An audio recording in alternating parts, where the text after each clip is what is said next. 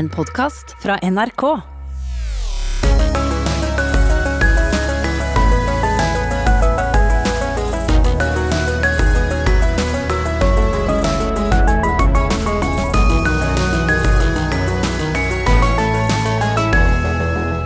Han fikk et gjeldstynga hotell i fanget da faren døde brått. Mars måned skulle bli tidenes beste, men enda med stenging og stille. Hun driver campingplass på nabotomta og har måttet avvise hundrevis av bubilturister. Direktør Preben Moen på Gloppen hotell og Lilla Anita Kjørvik fra Gloppen camping er dagens gjester i campingstolen.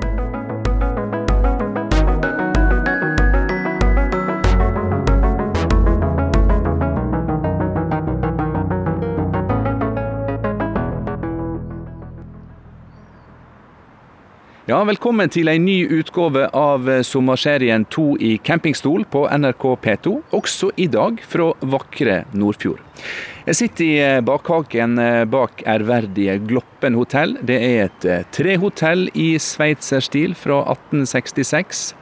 Riktignok med et litt modernistisk tilbygg. Herifra hotellet så er det et lite olympisk steinkast ned til ei anna reiselivsvirksomhet, nemlig Gloppen camping. Derfor har vi altså kortreiste gjester i dagens program. Med andre ord, velkommen i campingstolen Preben Moen og Lila Anita Kjørvik. Takk, takk. Takk To gode naboer, skal vi si det sånn? det er vi. Vi må si det.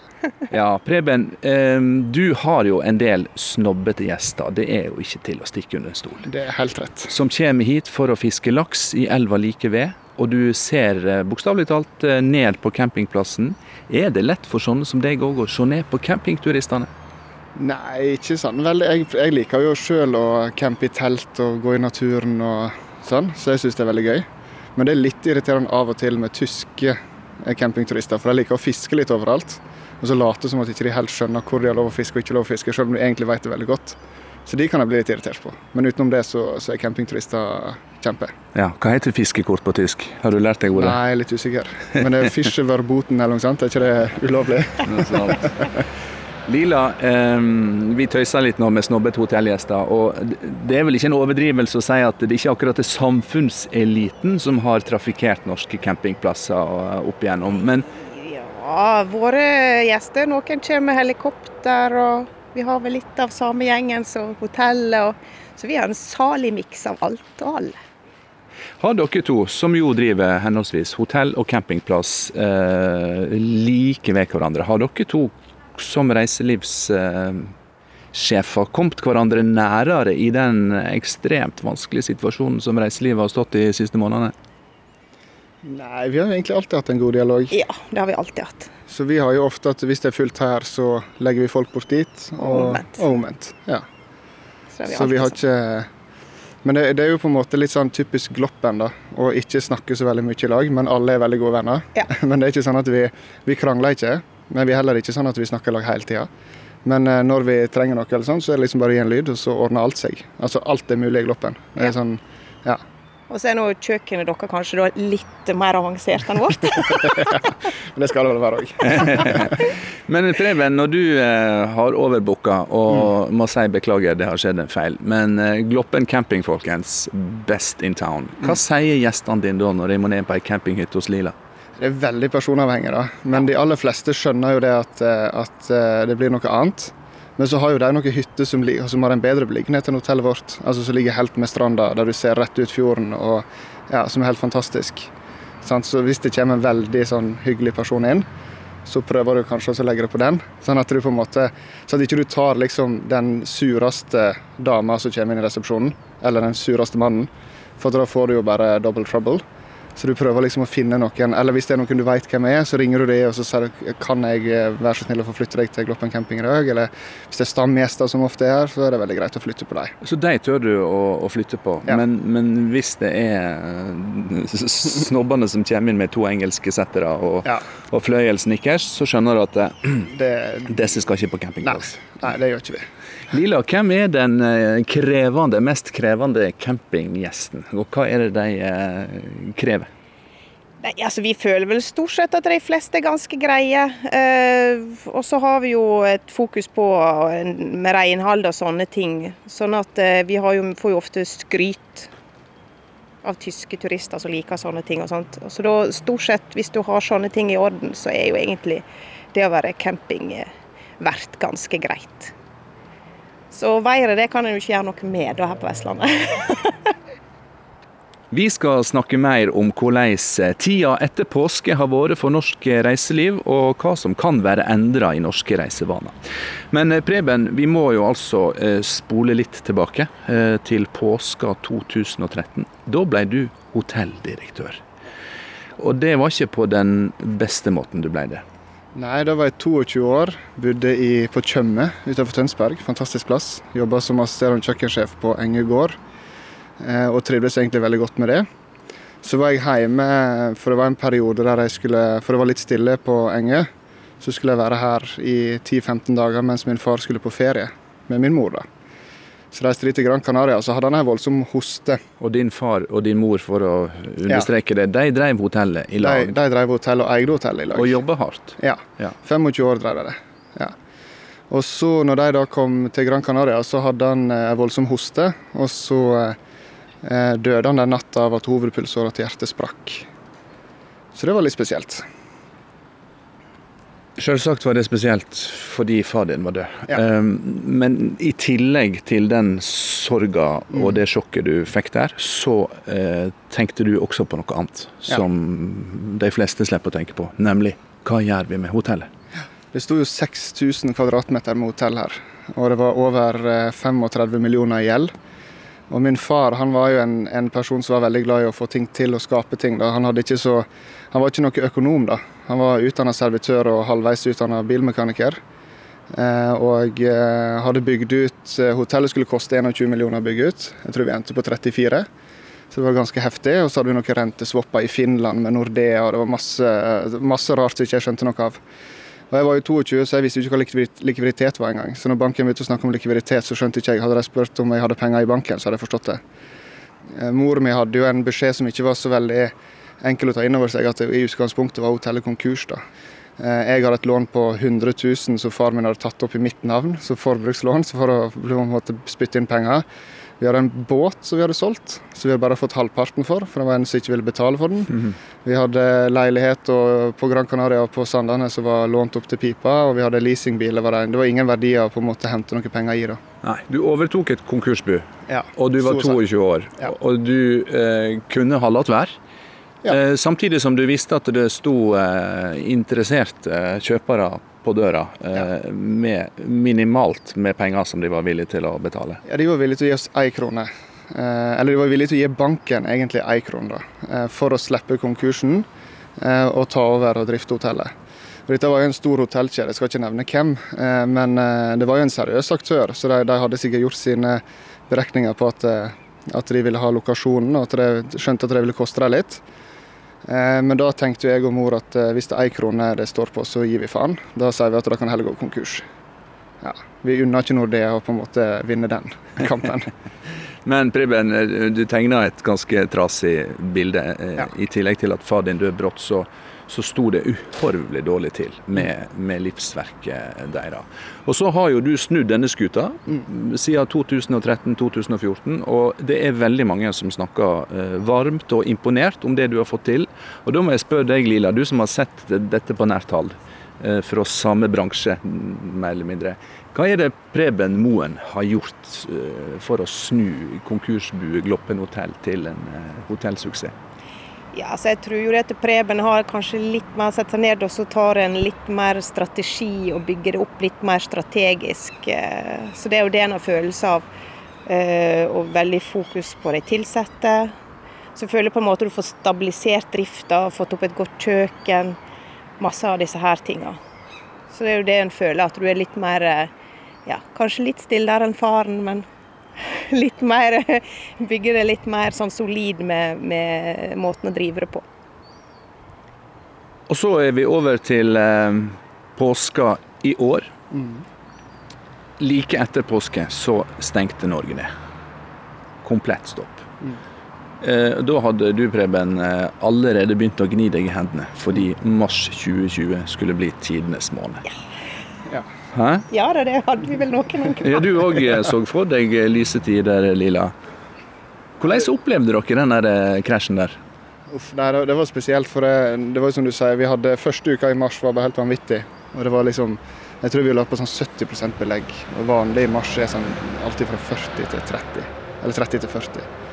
Eh, og det var masse store konferanser. Det var konferanser som hadde store budsjett. Det var liksom Det var ikke bare mat og konferanser, det var vinpakker, det var liksom det var full pakke. Eh, så vi så jo for oss at eh, mars i år skulle vi tjene gode penger. Eh, for første gang, da. Det er jo De fire første månedene i året er jo tapsmåneder vanligvis. da. Og så husker jeg jeg hadde et Jeg skulle egentlig på et utdrikningslag ned til Budapest, og så hadde jeg et, en samtale med, med alle ansatte der vi samles og drakk øl og spiste pizza. Og så hadde jeg en presentasjon, og da lo vi av korona, husker jeg. For det var liksom sånn her Ja ja, altså hvis dette her blir noe, så, så, kan det liksom være at én eller to kanskje blir permittert. Det kan være at det blir litt annerledes. Eh, men sånn som det er nå, så er ikke vi redde for det. For det var liksom i Kina, det var langt vekke. Eh, og så tok det vel fire dager etterpå, så var alle permittert. Lila, er ikke det et paradoks, dere som jobber i reiselivsnæringa. Eh, du f.eks. er ganske hissig på nordmenn som reiser til Spania nå og utsetter seg for, eh, for, smittefare. Men du jobber jo i en næring som er avhengig av at folk reiser fra et land til et annet. Eh, at de bedriver turisme, som også kan medføre store pandemier, slik vi har sett nå. Ja, altså jeg er bare litt at en skal være litt forsiktig og iallfall ha kontroll på det en holder på med. Eh, sånn at, eh, og Det er nå i forhold til den andre bedriften jeg har, så jeg jobber med trening. For Der har jo jeg mye folk i risikogrupper, så jeg ser den sida der og helsesektoren og sånne ting. På campingplassen så har vi jo hovedfokuset vårt er jo norske turister. Det har det alltid vært. Og så er det en del eh, sånn litt utenom. Sånn at vi ønsker alle velkommen, så det er jo ikke noe problem. Og vi har veldig knallhardt renhold og alt det der. Så vi skal takle det som kommer, for å si det sånn. Men eh, folk må jo bruke litt vett oppi det hele. For da kan en reise. Da kan en få ting til å fungere, hvis alle gjør en fornuftig innsats. Fra hagen på Gloppen hotell på Sandane hører du sommerserien To i campingstol på NRK P2. I dag med hotelldirektør Preben Moen og campingplasseier Lila Anita Kjørvik.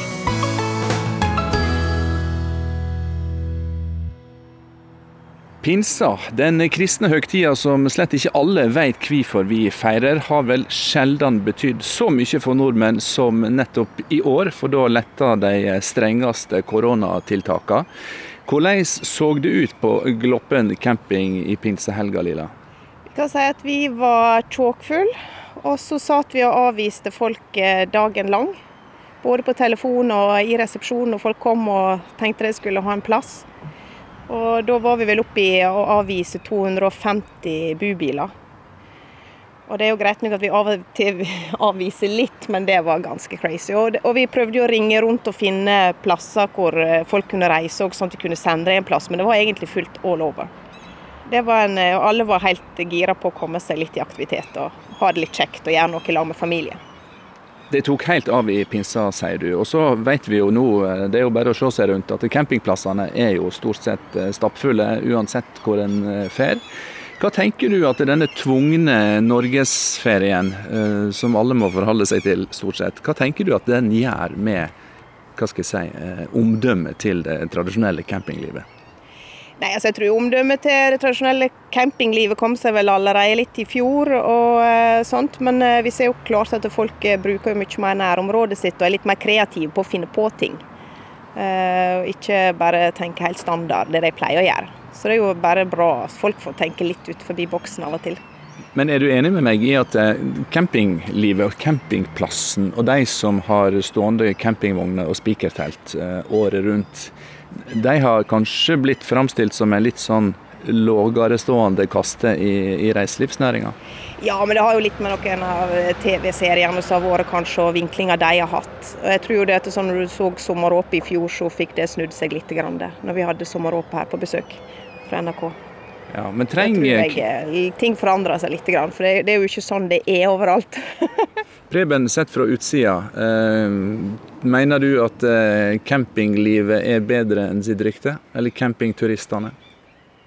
Ja, det tror jeg. Eh, Det er nok sikkert veldig forskjellig der òg, fra campingplass til campingplass. Men eh, sånn som det er på Vestlandet og de campingplassene som jeg har vært på i området her, de, de er jo utrolig flinke drivere og utrolig på en måte Altså det er jo Nå vet jeg ikke hvordan det blir rangert i stjerner, men du har disse NAF-stjernene. Jeg føler jo at eh, Vestlandet og de campingplassene som har vært og som er, som er familiebedrifter, er utrolig bra. Der hyttene er veldig bra, leilighetene deres er veldig bra og, og, og så videre. Og så tror jeg kanskje at mot svenske grenser så er det nok sikkert litt mer harrykultur på campinglivet der, da.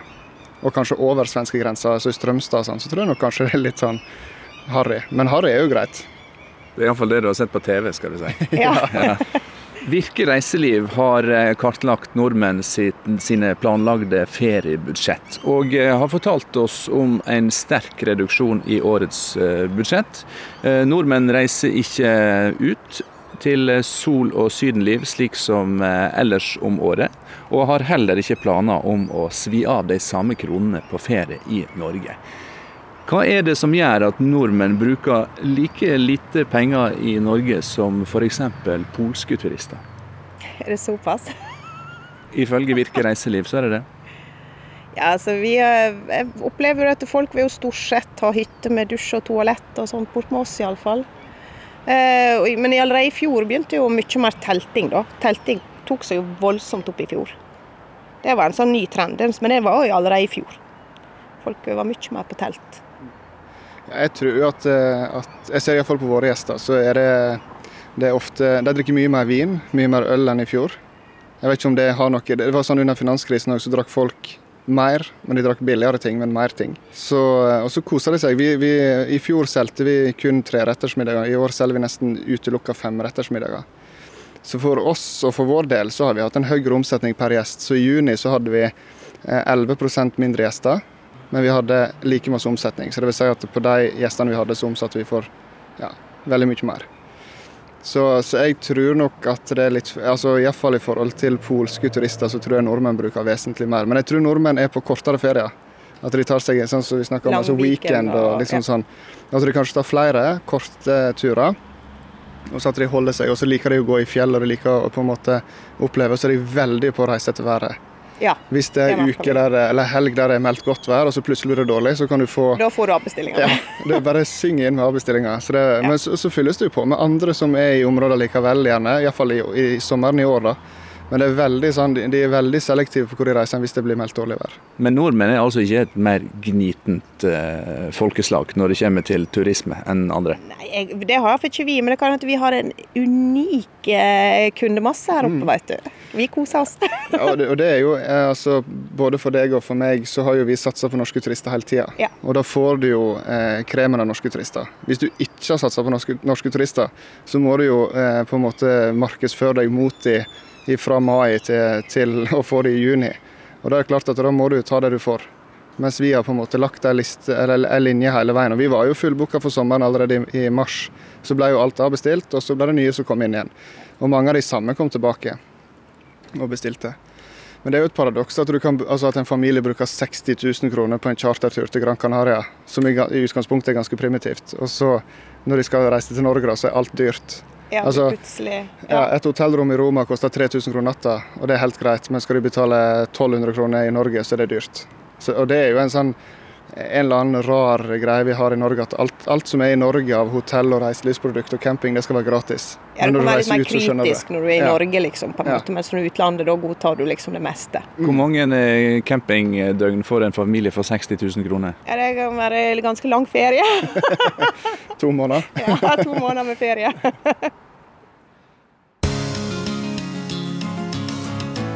Dette er To i campingstol på NRK P2, i dag fra Sandane, der vi møter hotelldirektør Preben Moen og Lila Kjørvik fra Gloppen camping.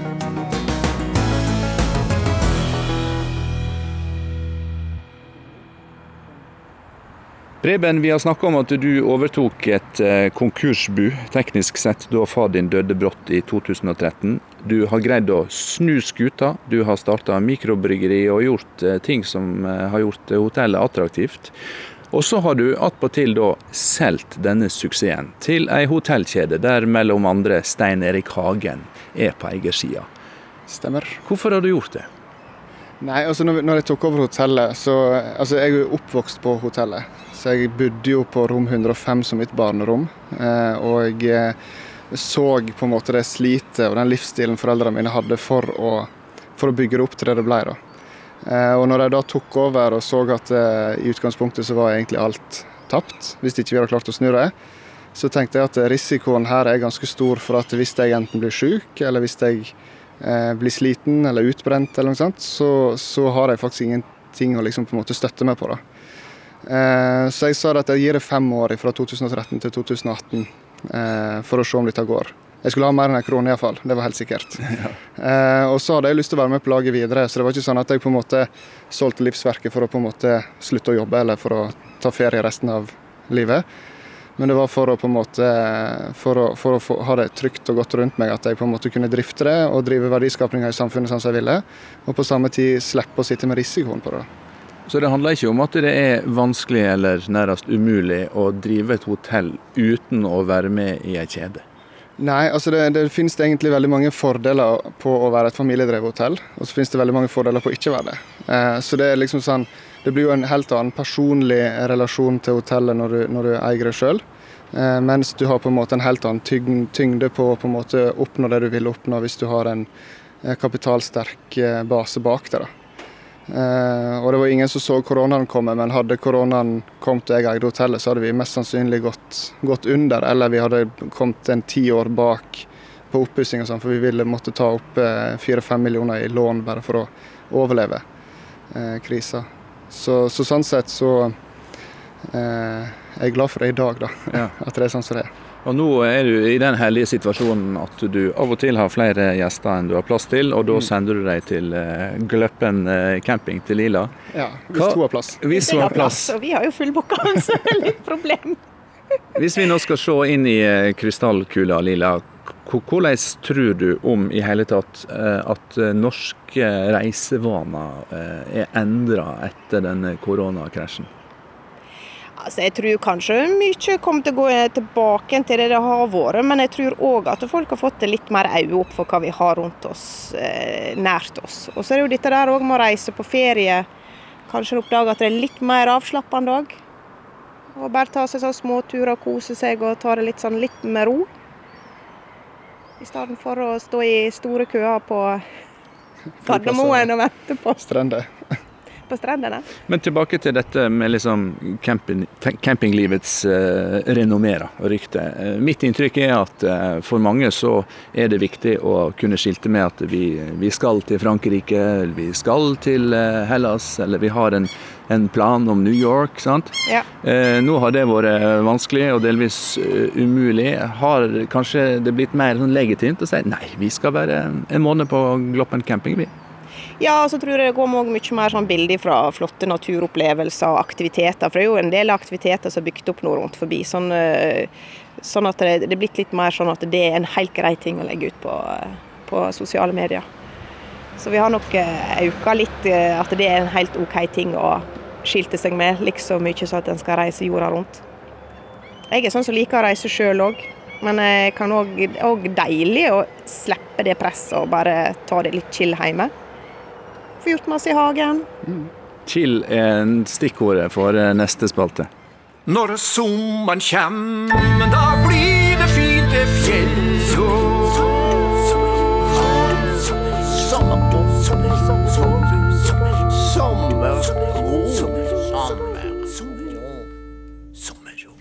Hei, campingstolen. Det her er Henning Sommerro. Jeg lurer på hvordan du finner sommerroen? For meg er det laksefiske. For det, er, det, kan du kun gjøre om sommeren. Og det er en veldig travel periode for hotellet. Og jeg har ei uke hvert år der jeg enten reiser til Lakselv, eller i år skal jeg til Bodø i Beiarn og fiske. Og det å på en måte ha flymodus, laste ned Spotify-liste, musikk på øra, og så bare stå i elva og sånn der eh, hengekøy, og så bare slappe helt av. Det er min sommerro. Du, du går bokstavelig talt over elva etter laks, for du, du har ei lakseelv som renner rett bak hekken her. Mm, mm. Men det er ikke godt nok? Nei, for da er jeg for nærme hotellet, så da er jeg for nærme alle prosjektene mine, all jobben. Så jeg må komme meg vekk og så ut i natur og koble ut. Lila, hvordan finner du sommerroen?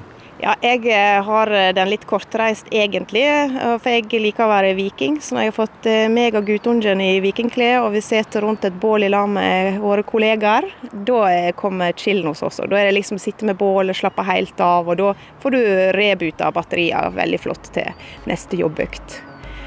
Litt eh, håndverk, og guttungen får stå og kløyve ved, og fryd og gammen. Da ønsker jeg lykke til som viking og skitt fiske til eh, Preben. Tusen takk eh, begge to eh, for at dere var med i dagens episode av To i campingstol. Lila Anita Kjørvik fra Gloppen camping og Preben Moen, direktør, eller husfar som han kaller seg, på Gloppen hotell. Vi er ved veis ende ved dagens episode. Teknisk ansvarlig i dag var Lars Erik Ertsgaard Ringen. Jeg heter Håkon Haugsbø, takker for følget og sier at vi er tilbake til samme tid på NRK P2 i morgen.